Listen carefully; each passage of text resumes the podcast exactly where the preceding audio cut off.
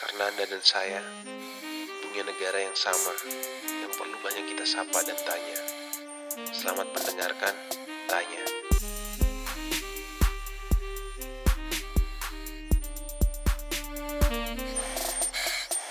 Oke, hari ini gua eh, masuk ke episode ke-10 dari podcast Tanyanya Wineside.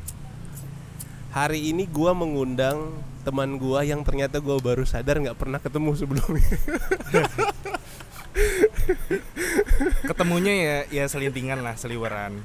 Kita udah lama sebenarnya follow-followan di Instagram ya ternyata. ya. Lumayan, lumayan lama. Lumayan lama dan dan gue baru sadar pas sebelum rekam podcast ini ternyata dalam Hah? kepala gua gue Hah? pernah ketemu lu bro sebelumnya. Oke. Dan ternyata pas kita ngobrol tadi lu bilang kita nggak pernah ketemu ternyata. Mungkin lebih ke faktor karena muka gue pasaran ya, bisa.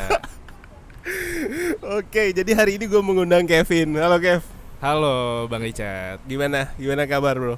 Eh baik baik. Mungkin sebelum gua mulai, eh, lu bisa cerita sedikit gak sih lu kesibukannya apa gitu sekarang? Ini lo nggak ada intro Gak usah, nggak ada. lo. Gak atau, apa-apa. atau ada panggilan khusus untuk pendengar lo gitu? Wayne. Insiders, Insiders, Buset. Sobat Wayne gitu. Nah, emang klub bola. Eh halo teman-teman Wayne Insiders. Eh, nama gue Kevin. Gue lulusan yang sama dengan Bang Icat, hukum UPH. Sempat kerja sebelumnya di kantor notaris. eh, lalu pindah ke menjadi admin di salah satu showroom moge. Eh, ma- ya masih seputar hukum-hukum juga lah. Cuma nggak nggak sebesar Bang Icat sampai lawyering. Ya pasti bagian itu bakal gua cut. Oke. Eh, kesibukan sekarang ya, kesibukan sekarang lebih ke jalanin bisnis sendiri aja sih, karena capek kerja sama orang. Oke, jadi hari ini gue mengajak eh, Kevin itu em, mau ngomongin lagi-lagi soal eh, politik, soal negara gitu-gitu. Nah, Oke. Kevin ini sebenarnya nggak, lu nggak nggak nggak terlalu banyak involve di hal-hal yang sifatnya politik pemerintahan gitu-gitu ya, bro? Justru gue malah nggak gitu percaya politik tai kucing bang.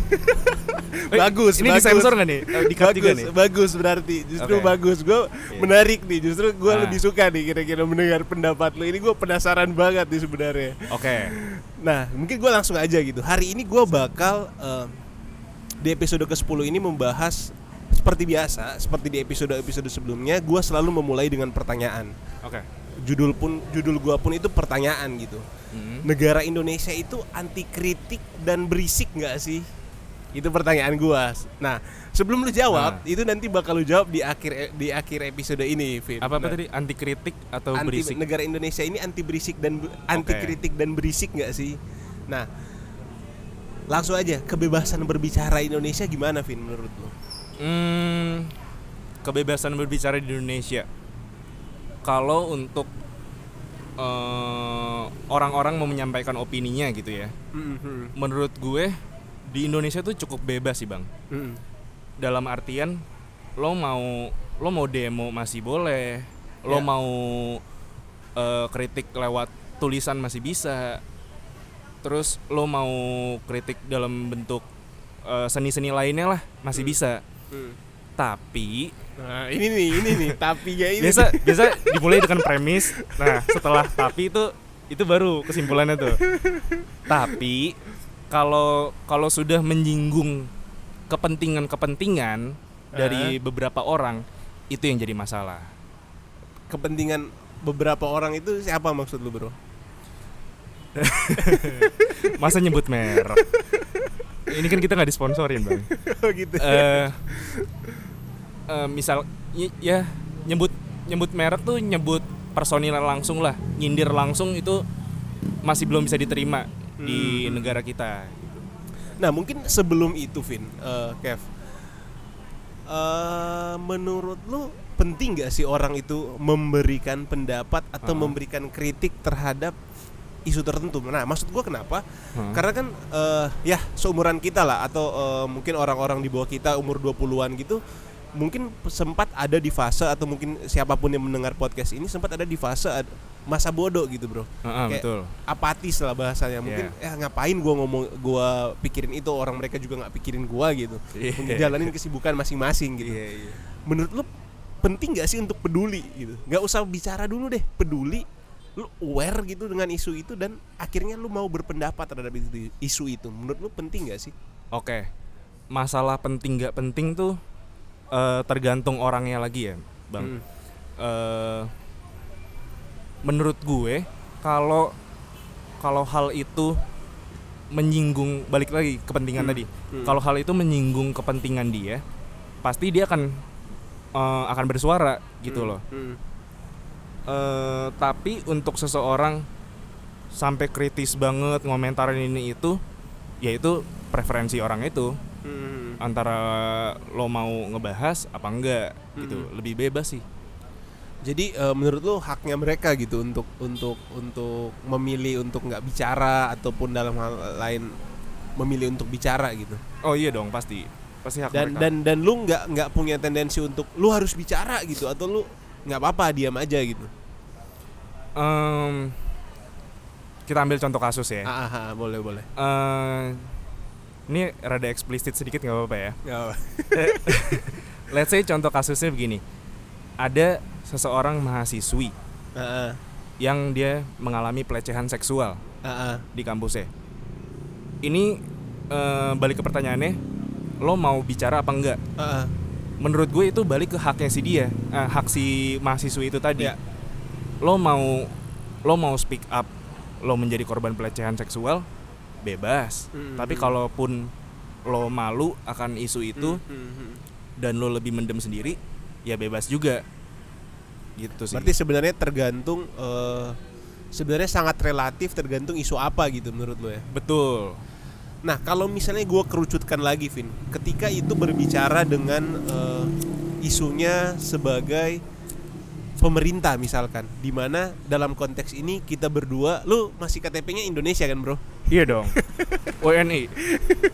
Nah, dalam konteks kita warga negara Indonesia gitu, dan eh, pemerintah itu adalah pimpinan kita gitu yang mau Ha, manage ha. kita sebagai warga negaranya dia gitu. Ha. Menurut lu kita harus mengkritik nggak sih atau menurut lu kita harus kritis nggak terhadap kebijakan-kebijakannya si pemerintahnya kita itu kita sebagai warga negara kalau tadi kan lu konteks eh, mencontohkan kasus pribadi gitu kan. Oke. Eh, isunya isu pribadi. Nah kalau gue bawa dalam isu negara bro. Isu negara ya? Em, ini kita ngomong di sadap nggak nih bang? Gue takutnya ntar udah komentar-komentar di sadap nih.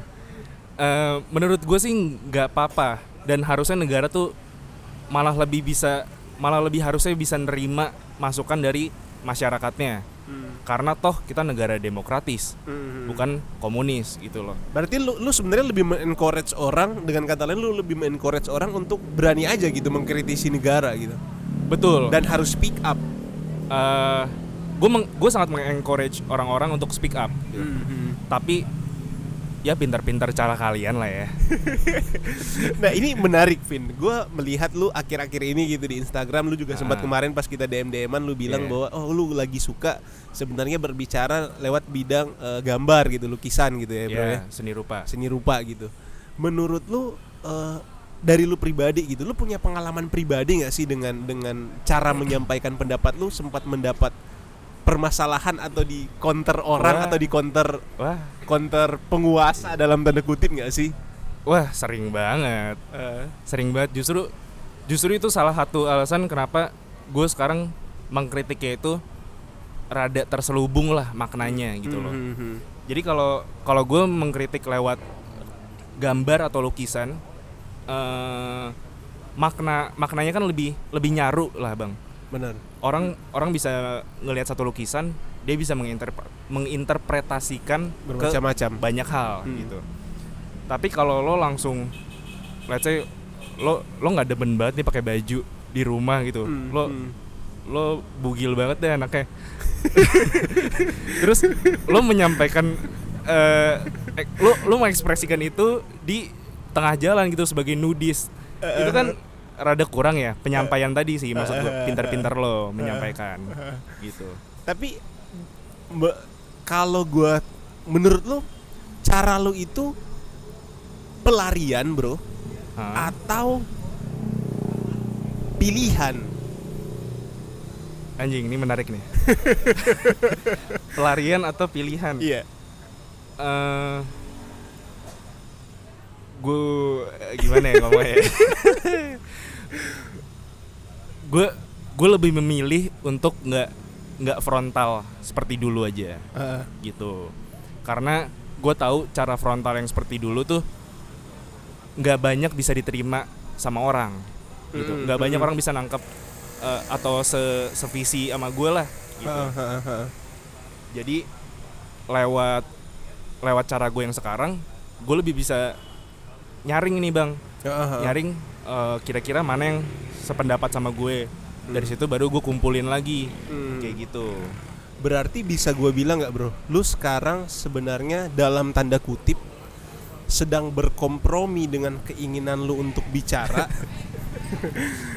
tapi lu berempati dengan orang lain bro. Dalam artian begini, apa artinya lu tetap menggunakan cara yang sama tapi message lu nggak bisa nyampe betul daripada lu berkompromi dan berempati dengan orang dengan harapan suatu saat message-nya message lu itu bakal dimengerti orang.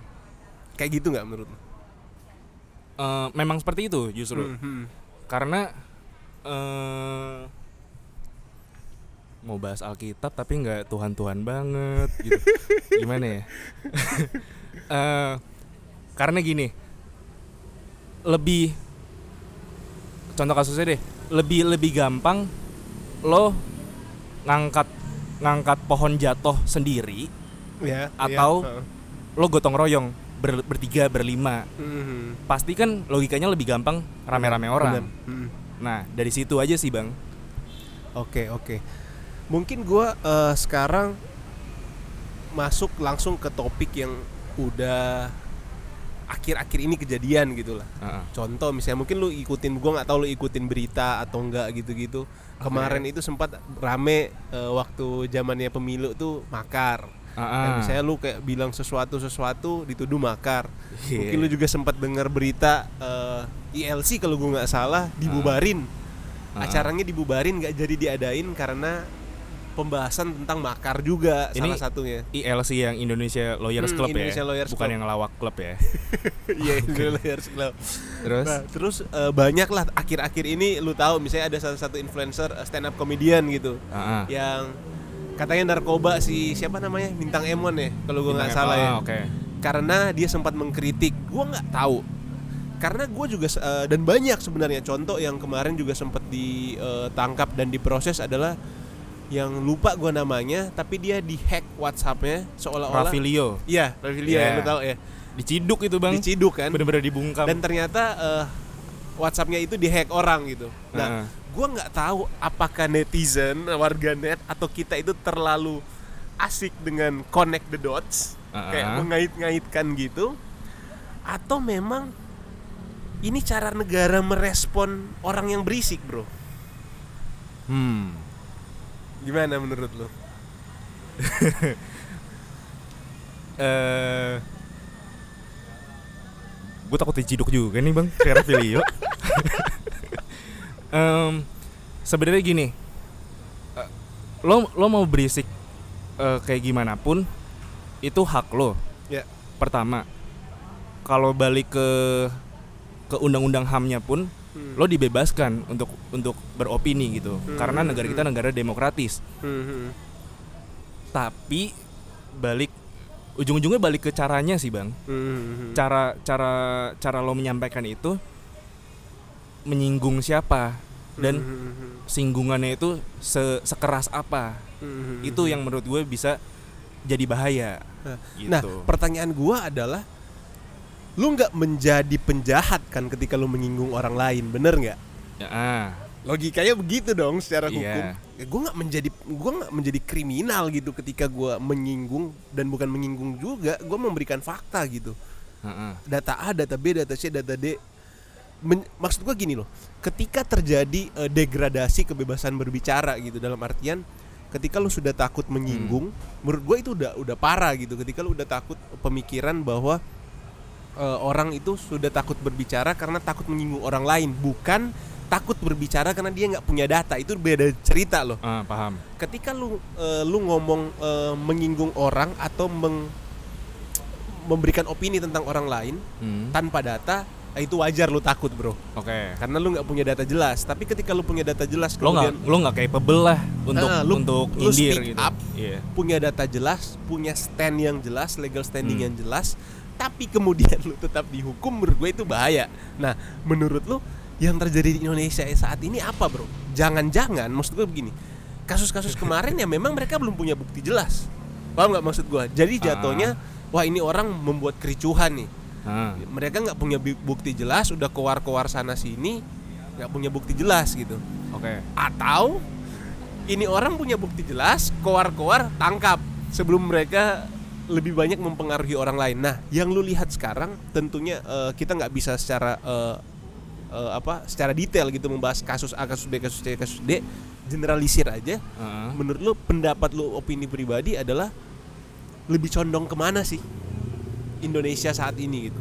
Pemerintahannya atau penegak hukumnya Ya, sebenarnya nggak mesti di Indonesia doang sih bang. seluruh ya? Di seluruh negara gitu. Heeh. Eh negara menurut gua akan takut Hmm. kalau kalau rahasia kebongkar.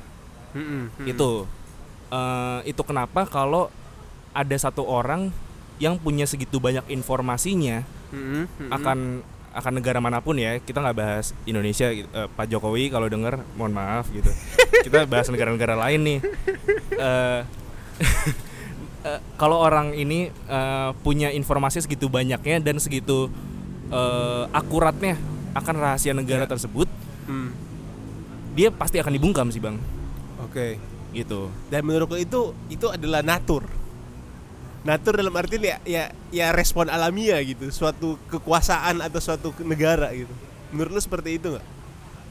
itu menurut gue lebih ke eh, naturnya manusia aja sih Manusia ya. let's say misalkan tetangga lo eh pacar lo suka datang ke rumah lo nih. Mhm. tapi eh ya kita kan nggak mungkin ngasih tetangga ya. Eh, kenalin ini pacar saya mau datang ke rumah kita mau ngelakuin sesuatu bareng gitu. Yang nggak harus lo tahu. Gitu. tapi kan dia punya asumsi-asumsi gitu. Wah jangan-jangan ini jangan-jangan itu. Nah pasti dari kita sendiri ada keinginan untuk eh memperbaiki statement buruk dari si tetangga ini Mhm. nah itu sama halnya kayak negara tersebut gitu loh Mhm. negara negara mana sih bang yang pengen kelihatan jelek Iya gak sih benar benar Gitu. rasional. Menarik bro. Tadi yang eh, yang yang tadi lu bilang eh, soal di awal lu tadi sempat mention soal oh lu bebas berpendapat selama lu nggak menyinggung ini gua interpretasikan hak-hak orang lain gitu. Heeh. Dan sering banget bro gua denger pokoknya selalu nih ya, selalu gitu. Setiap kali pembahasan tentang kebebasan berbicara di Indonesia, eh, Hmm. bahwa Indonesia sangat demokratis, bebas memberikan suara, bebas memberikan pendapat, selalu dikasih catatan kecil bro di bawah. Dan itu kalau lu perhatiin pemberitaan media, politisi-politisi, siapa pun yang ngomong pasti ada nih catatan kecilnya. lo Catat- bebas berbicara tapi bintang kecil syarat dan ketentuan berlaku Iya iya. gitu. Syarat dan ketentuan berlaku yaitu yang selalu istilah yang gua sering dengar itu adalah Ah. Lu bebas berbicara tapi jangan melanggar hak orang lain ya. Hmm. Ngerti ya lu? Lu Mm-mm. bebas memberikan pendapat tapi jangan menyerang orang lain ya. Nah, Hmm. pertanyaan gua adalah istilah ini enak bro didengar bro, diplomatis banget dan sangat dan sangat apa ya? eh, di Ah. jalan tengah lah menurut Ah, gua. ah, ah. Tapi nggak segampang itu men. Coba kita bedah satu-satu ya. Iya. Lu bebas berbicara, tapi jangan menyerang orang lain gitu. bebas berbicara jangan menyerang oke Sekarang pertanyaan gua adalah, ketika lu ngomongin apa pun dan gua pribadi menafsirkan bahwa lu menyerang gua, hmm. itu gimana men? Paham nggak maksud gua?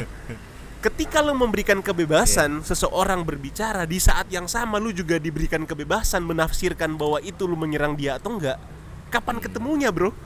Paham ya maksud logika gue ya? paham Nah Paham. pertanyaan gue adalah rasional gak sih istilah atau pemahaman seperti ini?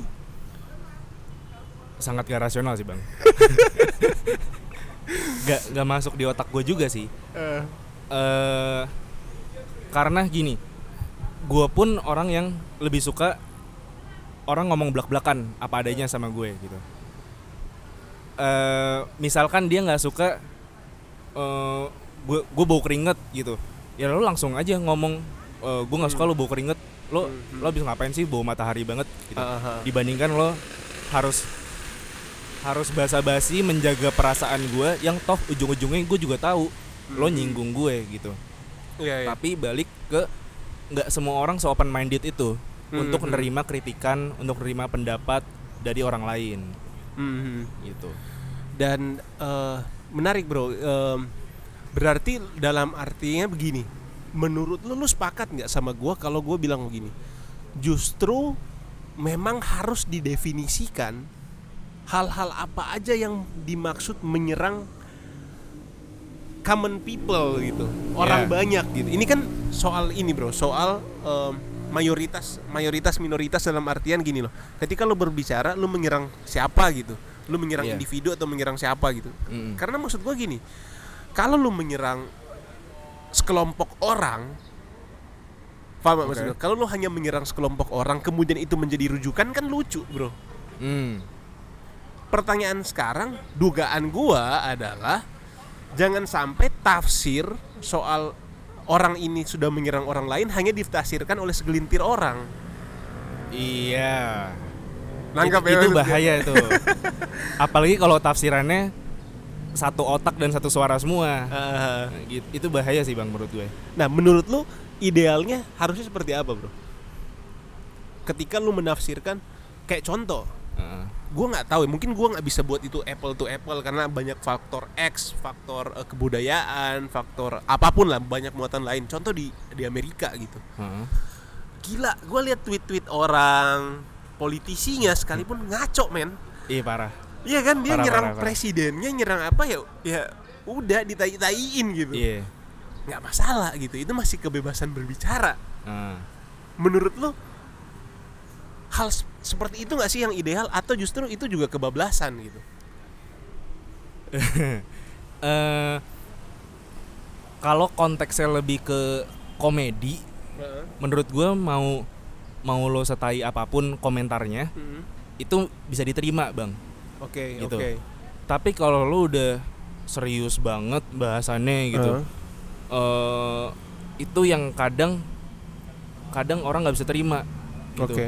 karena dia nganggap itu beneran sindiran atau Oke, beneran oke. beneran tuduhan lah jahatnya gitu Mhm. tapi kalau konteks komedi masih masih bisa disamarin oh ini orang bercanda nih Mhm. walaupun ada rasa kesindirnya juga gitu dan em, menurut lo berarti kalau dia udah serius masalahnya yang di yang di US yang gue contohin tadi serius men. Bukan komedi lagi itu. Iya sih. Iya kan? Hmm. menurut lo berarti udah nggak ideal tuh kalau udah bablas kayak gitu. Itu itu udah kebebasan sih bang. Udah kebablasan ya. udah terlalu bebas. Nah, balik lagi, menurut gue, makanya gue bilang di awal gue buka, gue nggak mungkin membandingkan sesuatu. Menurut gue nggak beda lah muatannya eh, ininya dan Ah. lain sebagainya. Kita banyak faktor lain. Hmm. Tapi setidaknya adalah mungkin kalau hal-hal seperti itu kan udah udah jelas banget gitu bro. Lu ngata-ngatain orang tai, ngapain orang itu menurut gue ya udah terang-terangan gitu, udah nggak sesuai. Tapi ketika lu mengkritik orang, lu menyatakan bahwa orang itu nggak menjalankan tugasnya atau orang itu sudah salah eh, salah menerapkan hukum atau udah abuse of power, Hmm. menurut gua wah masih wajar banget nggak sih? wajar asal didukung dengan datanya. Data dan fakta gitu ya. Iya, Yang yang bisa lu buktikan gitu. betul. Jadi Gitu. biar biar jangan menjadi tuduhan. Iya. Dan sekalipun si yang dituduh itu nggak mau ngaku, gitu Heeh. loh. Toh kita juga udah kita nyindirnya tuh berdasarkan faktanya gitu loh. Hmm. Gitu. Jadi bisa gue simpulkan adalah ketika lu men- menyindir atau lu beropini berdasarkan fakta dan data, kemudian lu ditangkap atau kemudian lu di di di apa ya didiskreditkan atau di Heeh. di dijudge orang yang negatif atau dijudge buzzer atau dijudge siapa pun Ah. yang terorganisir Mm-mm. negatif menurut lu itu berarti abuse of power dan keliru menurut lu salah gitu salah nggak kalau begitu Sa- sa- salah sih bang ngomongnya kecil-kecil aja gitu biar nggak kedengeran oke mungkin gua langsung ke eh, topik selanjutnya Kev ah. menurut lu itu negara sebenarnya udah sempat kita mention juga di eh, di pembicaraan kita tadi ah. tapi gue pengen hanya mempertegas aja gitu menurut lu itu negara yang baik adalah negara yang memberikan atau negara yang mendengar Hmm.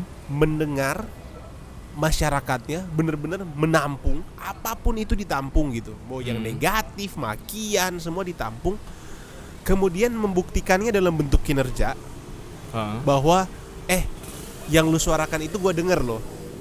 Dan gua mem- menunjukkannya dalam bentuk kinerja. Misalnya eh lu ke mana aja selama ini? Nggak buat ini nggak buat itu nggak buat ini. Iya, tiba-tiba iya. gua mendengar oke ini gua tunjukin. Atau negara yang orang udah ngomong gini gini gini udah berisik dan lain sebagainya langsung disuruh diam bro. Eh lu diam aja gua tahu kok tenang aja. Menurut lu negara yang baik itu negara yang seperti apa? Nah ini ada atau pemimpin yang baik pemimpin yang seperti apa gitu? Gue gue punya dua pandangan nih bang eh, tentang tentang pertanyaan ini. Heeh. yang pertama dari dari yang ngeluarin kritik dulu tadi ya. Heeh. gue lebih setuju ke yang ngeluarin kritik tadi dan dibuktiin lewat kinerja yang transparan Oke, Gitu. oke.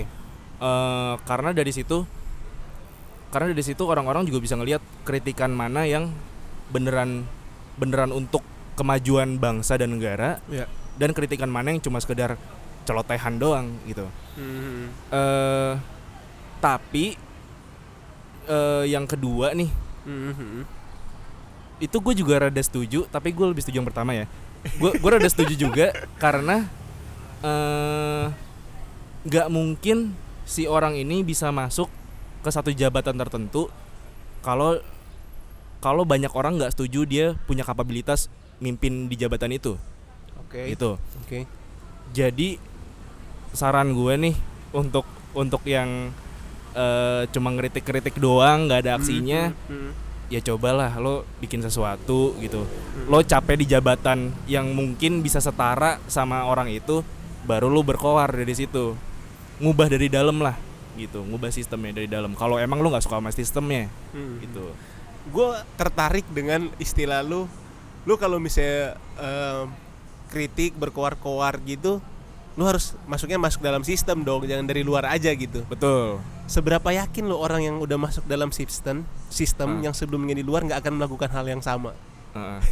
Gua gua kasih analogi kita seperti ini. kita nggak ngomongin Fadlizon kan kita nggak ngomongin Fadlizon kan gak, oke oke Gue gue menarik di ada lah orang yang gua kenal gitu. Heeh. Eh, lumayan high profile gua gua nggak mungkin sebut namanya dia kasih analogi begini bro pas ngobrol dia bilang gini ehm gua dulu adalah penonton ketika Real Madrid dan Barcelona main gitu. Oke.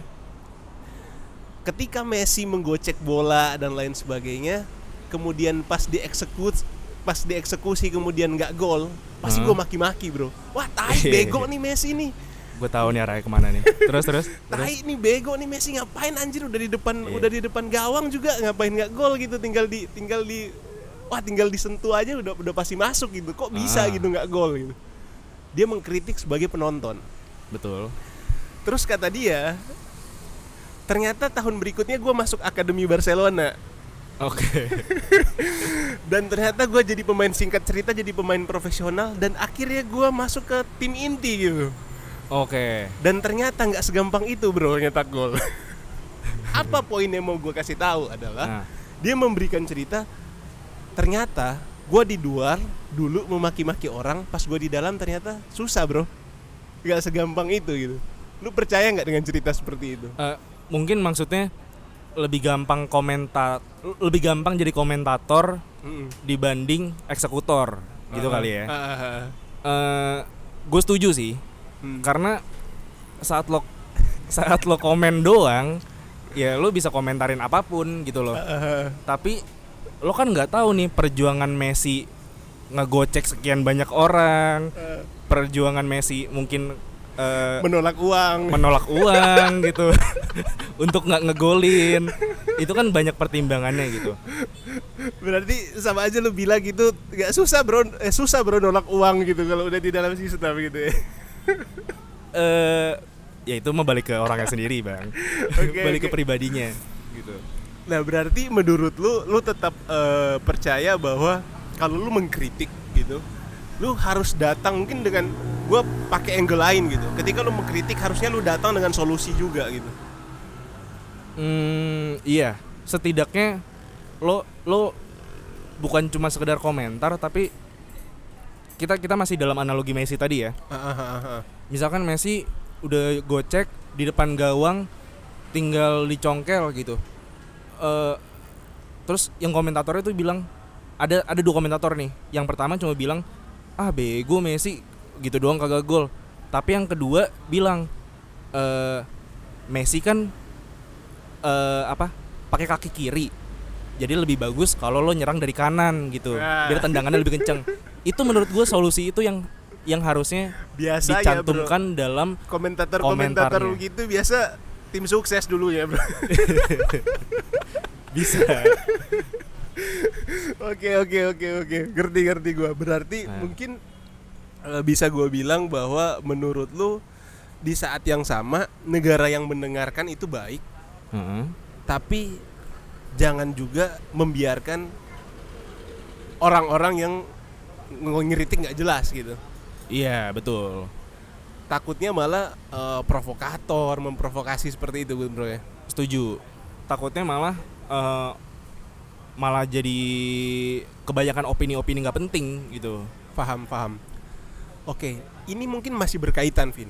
Hmm. Eh, eh, lu pernah gua nggak tahu lu pernah baca bukunya The Prince. Heeh. eh, yang ditulis Niccolo Machiavelli. Oke. Jadi dia sempat membuat tesis bahwa pemimpin yang baik itu dia jadi dia ibaratnya membagi antara pemimpin yang dicintai sama pemimpin yang ditakuti bro Oh, iya pemimpin yang mencintai oh ini dan- Machiavelli ya Oke, Niccolo terus? Machiavelli nah dalam konteks pembicaraan kita hari ini Heeh. menurut lu dalam konteks kebebasan berbicara juga gitu Mhm. menurut lu pemimpin yang baik itu pemimpin yang ditakuti atau dicintai bro? Nggak keduanya. Gimana tuh? Gimana tuh? Bisa nggak lu e- e- elaborate gitu? Kalau ditakutin eh gini ya bahas satu-satu. Ya. Menakuti eh menakutkan sama yang dicintai gitu. Kalau pemimpin yang ditakutkan itu pasti bakal nimbulin gap antara pemimpin dan masyarakatnya oke. Itu nggak baik juga. Tapi kalau pemimpin yang terlalu dicintai sama masyarakatnya itu bikin masyarakatnya jadi subjektif dan nggak objektif. Oke menarik tuh. Ah, nah makanya gue nggak setuju dengan keduanya ini. Oke. Gue lebih pilih pemimpin yang disegani. Oke. Gitu. Karena di respect gitu di ya. Respect lah. Eh karena di satu sisi masyarakatnya ini mengedor tapi dia juga eh objektif dia dia ngedornya secara objektif gitu justru Hmm. menurut lu eh, gimana tuh membuat seorang pemimpin itu di respect bukan dicintai kan tadi kan lu bilang bahwa Heeh. pemimpin itu kalau lu lebih setuju bukan dicintai bukan juga ditakuti tapi Heeh. disegani gitu Iya. menurut lu gimana sih membuat pemimpin yang disegani seperti itu sesimpel lo harus turun langsung sih bang Heeh. si pemimpin ini harus turun langsung dan ngebuktiin sendiri gitu loh Mhm. jadi bukan cuma sekedar eh, ka- kata yang muncul di otak gue sih belusukan tapi kalau belusukan tuh ter- terlalu tuh mengkerucut ke Punya- siapa relasi ke gitu situ ya. Iya. jangan jangan cuma belusukan intinya tapi lo emang harus bener-bener ikut ngebantu gitu Hmm. loh menurut lu dalam konteks kebebasan berbicara Mm-mm. apakah gaya pemim- kepemimpinan pemerintahan kita saat ini sudah disegani? Hmm, Tadi lo kan pakai pakai term disegani gitu kan. disegani. Apa ditakuti, Bro? Atau dicintai? Menurut lu gimana? Em, pemerintahan kita zaman sekarang tuh le- lebih ke nggak solid sih bang kalau gue liatnya ya. eh ketuanya ketuanya jalan sendiri, anak buahnya ngaco sendiri, masyarakatnya punya hukum sendiri Aha. gitu. Jadi jadi itu yang tadi gue bilang belusukannya itu nggak nggak mengayomi dari eh, keluhan masyarakat yang sebenarnya gitu loh. Oke, oke. Cuma sekedar cuma sekedar eh, untuk untuk topeng gitulah kasarnya. Oke. Dan menurut lu itu pun yang terjadi di ini nggak di dalam hal kebebasan berbicara nggak bahwa kebijakannya nggak sejalan gitu antara si A, si B, si C, si D gitu atau institusi gitu misalnya Hmm. institusi A jalan sendiri tapi sebenarnya si A maunya bukan begitu gitu Itu gitu nggak maksud lu itu banget. eh jadi satu untuk ngebangun sebuah institusi itu kan pasti udah punya visi misinya. Ah. gitu. Eh tapi yang kalau gue lihat sekarang ya orang-orang yang yang lagi menduduki institusi ini ya itu punya visi misi sendiri di luar eh, visi misi utamanya. oke Gitu. oke Ibaratnya dia dia ngebuka anak perusahaan sendiri gitu. ibaratnya buka warung dalam warung ya iya buka warung dalam warung. gitu.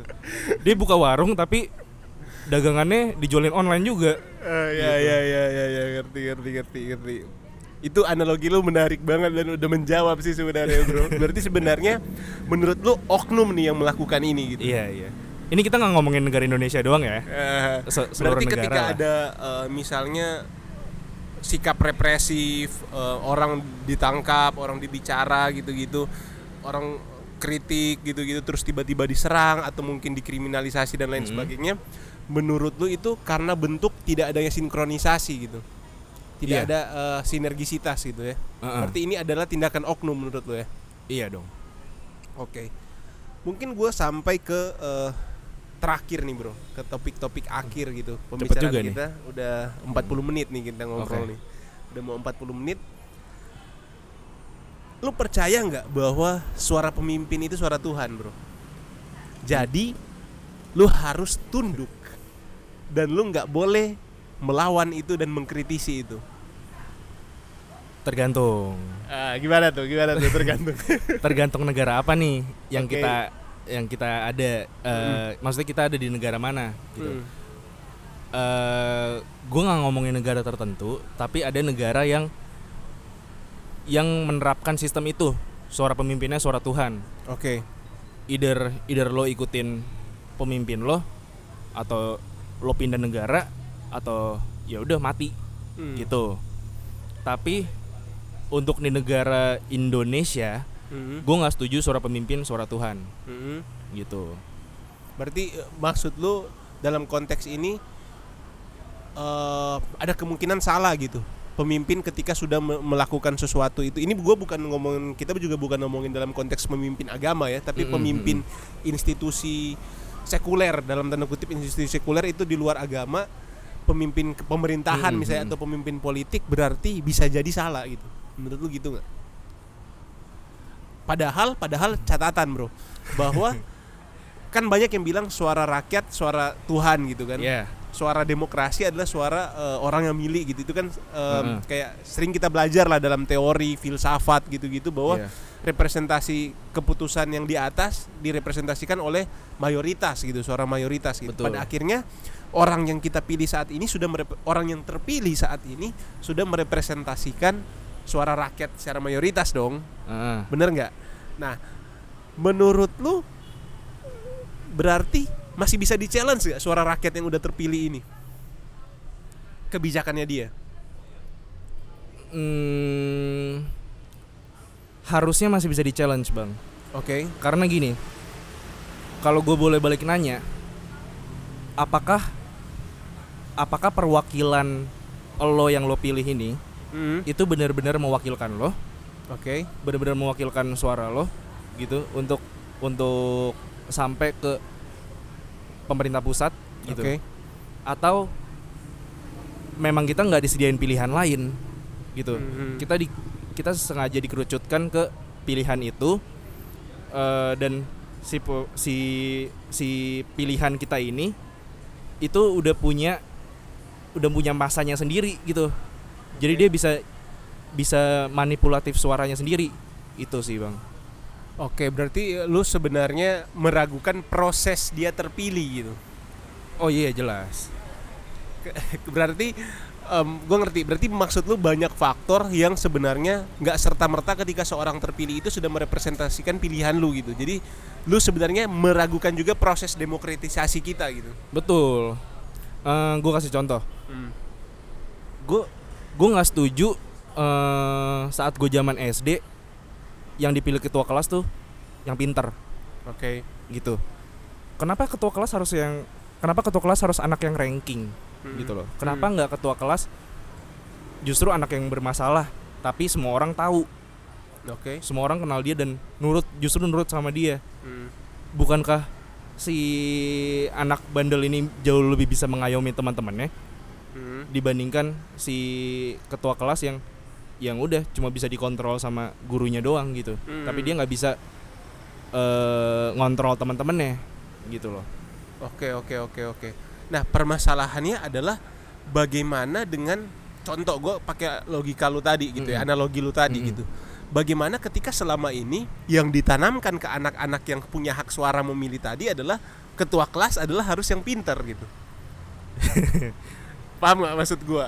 Jadi Eh, ketika paham, sebenarnya paham, ada paham. opsi yang lebih ideal ketika dikaji-kaji secara objektif tapi Nah. karena stigma yang ada atau yang sudah terlanjur terbentuk orang-orang yang punya hak suara ini punya preferensi sendiri Heeh, padahal sudah banyak contoh-contohnya yang terjadi sudah jelas dan nyata-nyata tapi mempertahankan preferensi tersebut gitu bro ya kalau itu sih menurut gue jadi tugas Winesight ya.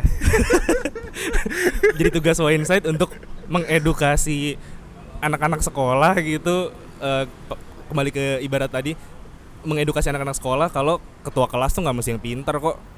Berarti poin lu edukasi bro ya? Edukasi. Berarti edukasi dalam dalam dalam eh, masyarakat dalam politik juga Mm. penting gitu ya? Penting banget. Dan menurut lu eh, yang yang punya peran paling penting untuk mengedukasi itu siapa ya tokohnya itu sendiri. Hmm, karena yang akan dilihat si tokohnya itu. Oke. Gitu loh. Oke. Ini sih kalau gua kalau gua ini terus pasti bakal panjang nih kita omongin itu. Mungkin gua eh, masuk ke yang terakhir mungkin bro. Heeh. menurut lu ketika seorang berisik ketika seorang kritis atau mengkritik ini kan yang yang yang stigma yang atau mindset yang sudah ada gitu setidak-tidaknya yang gue lihat gitu ya. Gue nggak tahu gue sebenarnya mengeneralisir juga sih. Em, tapi ini yang gue lihat gitu mungkin kalau yang mendengarkan merasa berbeda em, silahkan kalian punya pendapat berbeda. Heeh. tapi yang gue pikirkan adalah stigma yang ada orang yang berisik dan kritis ujung-ujungnya pasti mengakibatkan kekacauan gitu. Di sisi lain orang yang diam sunyi gitu lebih menciptakan kedamaian betul menurut lu pemikiran seperti ini mutlak benar nggak Hmm, benar tapi nggak mutlak. oke Eh, log- logikanya kayak gini bang. Gimana gimana cara lo tahu yang teratur itu seperti apa? Kalau lo nggak pernah ngalamin kekacauan. oke Gimana cara Oke. lo tahu senang kalau lo nggak pernah tahu sedih? oke Kayak gitu. Jadi perlu perlu ada kekacauan dulu supaya dari supaya dari situ iklan iklan bro. iklan supaya dari situ eh, kita bisa tahu hal apa yang harus dibenahin oke apa yang kurang eh, supaya jadi teratur gitu loh dari Hmm. kekacauan itu Oke, mungkin gue bisa analogi seperti ini, bro. Em, gue sebenarnya pembicaraan tentang kebebasan berpendapat, kebebasan berbicara di Indonesia kan sebenarnya isu klasik gitu, udah lama banget dibicarain. Hmm. Gue pernah ngobrol sama eh, orang yang gue kenal gitu teman gue, dia bilang begini, dan menurut gue jawabannya dia sangat clear sih. Hmm. Ketika kita gitu atau siapa pun melakukan diskusi tentang kebebasan berbicara, Oke. sebenarnya di saat yang sama kita sudah bebas berbicara, ngerti nggak lu? Kalau kita nggak bebas berbicara, nggak mungkin kita bisa ngobrol hari ini bro tentang kebebasan berbicara. Betul. Paham nggak lu maksud gue? Heeh. Jadi ketika ada diskusi orang ngobrol gitu tentang kebebasan berbicara, mempermasalahkan tentang kebebasan berbicara itu sendiri, di saat yang sama sebenarnya mereka sudah menunjukkan bahwa lu sekarang sedang berada di negara yang betul-betul bebas berbicara gitu. Dalam hubungannya dengan yang lu bilang tadi, eh, soal berisik pasti kekacauan dan lain sebagainya. Kalau seandainya 98 nggak kerusuhan, nggak berisik, nggak mungkin ada kebebasan berbicara, bro. Iya, setuju. Lu setuju nggak dengan itu? Setuju. Berarti di saat yang sama gue mau menjelaskan bahwa berarti berisik dan kritis tidak serta merta berujung kekacauan. Maksud gue gini, kalau dulu nggak ada orang kritis, Hmm. aktivis-aktivis itu nggak kritis dan berisik menentang eh, pemerintahan saat itu, Hmm. Yang pasti kacau, chaos bro. Banyak efek samping dari kerusuhan 98 banyak yang dijara, banyak eh, apa eh, penyelesaian seksual, banyak pembunuhan, Oke. itu kan efek-efek samping bro kita kan Hmm. hanya melihat produk besarnya gitu bahwa Hmm. Indonesia menjadi negara yang lebih demokratis tapi kita nggak melihat efek-efek samping dari kerusuhan 98 itu yang Hmm. yang chaos juga ujung-ujungnya Hmm. menurut lu balik lagi ke pertanyaan gua adalah berarti berisik dan kritis nggak serta merta menciptakan kekacauan gitu di saat yang sama kacau tapi ujung produknya itu ada yang lebih bagus juga gitu dari hasilnya Iya. di saat yang sama ketika diam dan sunyi lu bayangin ketika saat itu orang nggak mau kritis gitu Hmm. diam aja gitu mengakui mengamini apa aja gitu kebijakan saat itu damai memang nggak ada mungkin mungkin nggak bakal ada eh eh, penjarahan pembunuhan di tahun 98 itu dan lain sebagainya tapi ya gue nggak tahu sih Hmm. kira-kira sampai tahun ini bakal seperti apa gitu. Eh gini. Ngebahas masalah 98 menurut gue menurut gue tujuan utamanya tuh bukan menjarah kok. Mm. tujuan utamanya kan ya melengsarkan presiden pip gitu. Dan eh, ngedudukin MPR lah. Heeh. karena mereka udah terlalu resah gitu. Oke. Nah tapi kenapa efek sampingnya bisa begitu? Ya karena karena orang banyak yang ikut-ikutan aja dan nggak Oke. tahu topik utamanya gitu loh. Oke. Eh dan menurut gue itu itu wajar terjadi bang. Oke. karena dalam suatu perjuangan pasti harus ada sesuatu yang dikorbankan. Oke. Gitu. Minimal banget deh minimal banget. Perjuangan lo untuk eh misalkan Wineside nih perjuangan lo untuk mendapatkan opini-opini orang pasti kan lo minimal banget ngorbanin waktu. Ya. Ngorbanin waktu ngorbanin uang buat parkir kayak gitu-gitu. Oke. Harus ada pengorbanannya sih. Lu percaya nggak bahwa di zaman sekarang gitu ya Heeh. mencapai sesuatu yang lebih baik bisa dengan jalan damai tanpa chaos? Atau lu masih percaya bahwa eh, merubah sesuatu dengan cepat Hmm. atau mungkin revolusi atau mungkin ada orang pakai bahasanya reformasi gitu reformasi. intinya mengubah sesuatu harus dengan chaos terlebih dahulu. Apa mungkin bro dengan cara damai gitu? Bukan angkat senjata tapi angkat bunga. Gue lebih pilih eh gue lebih pilih angkat bunga. Oke. Flower power nih 70-an ya. Eh kenapa balik ke eh, opini awal gue. Ya. lo bebas lo bebas kok sebebas bebasnya mau ngomongin apa pun Ya. mau mengkritik apa pun. Tapi pinter-pinter lo membawakan opini lo tersebut. Oke. Gitu. Karena karena kebebasan lo itu ada syarat dan ketentuannya. Oke. Gitu. Oke menarik sih bro. Jadi lu tipe yang milih mengangkat bunga ya dan lu dan lu percaya bahwa itu bisa berhasil gitu jalan damai itu bisa merubah sesuatu percaya percaya banget Oke. ini mungkin udah selesai bro uh, podcastnya kita. Ini terakhir nih, terakhir banget nih. Oke. Di luar sebenarnya pertanyaan-pertanyaan diskusi. Jadi kebiasaan gua di podcast ini adalah setiap akhir setiap akhir episode Mm-mm. pasti gua menanyakan judul dari episode gua gitu. Nah sekarang gua tanya nih, menurut lu negara kita gitu, Heeh. negara Indonesia itu negara yang anti kritik dan gak mau berisik nggak sih? Hmm. Harus ada negara Indonesia-nya lagi. Eh, Ya gak, gak apa-apa lu tinggal jawab iya atau enggak gitu. i- kalau jawab iya atau enggak, iya. Oke, lu nggak usah jelasin. Kalau jawab iya atau enggaknya doang ya, jawabannya iya. Oke, Tapi gue tutup juga dengan eh, satu sajak, oke, Dari oke, boleh, boleh, boleh, satu-satu potongan sajak lah boleh, boleh. dari Wiji Tukul. Ya. Dia bilang begini, apabila usul ditolak tanpa ditimbang, Hmm. suara dibungkam, kritik dilarang tanpa alasan, dituduh subversif dan mengganggu keamanan, maka hanya ada satu kata, lawan. Itu. Oke, oke, oke. Pin, thank you ya, bro. Oke, thank you Sudah, juga bang. apa meluangkan waktu untuk eh, di podcast ini, bro. Siap. Nanti em, eh, apa? Instagram lu apa, bro? At Kevin Doang G-nya 3 Oke, dan sama bisnis lu sekarang apa, bro? Ini. At underscore cookisan Nah, mungkin teman-teman yang suka makan cookies, gua itu enak sih, men. Ini apa? Cookiesnya top sih. Oke. Lembut banget, bro ya. Ini ini review-review lidah selebgram apa gimana nih?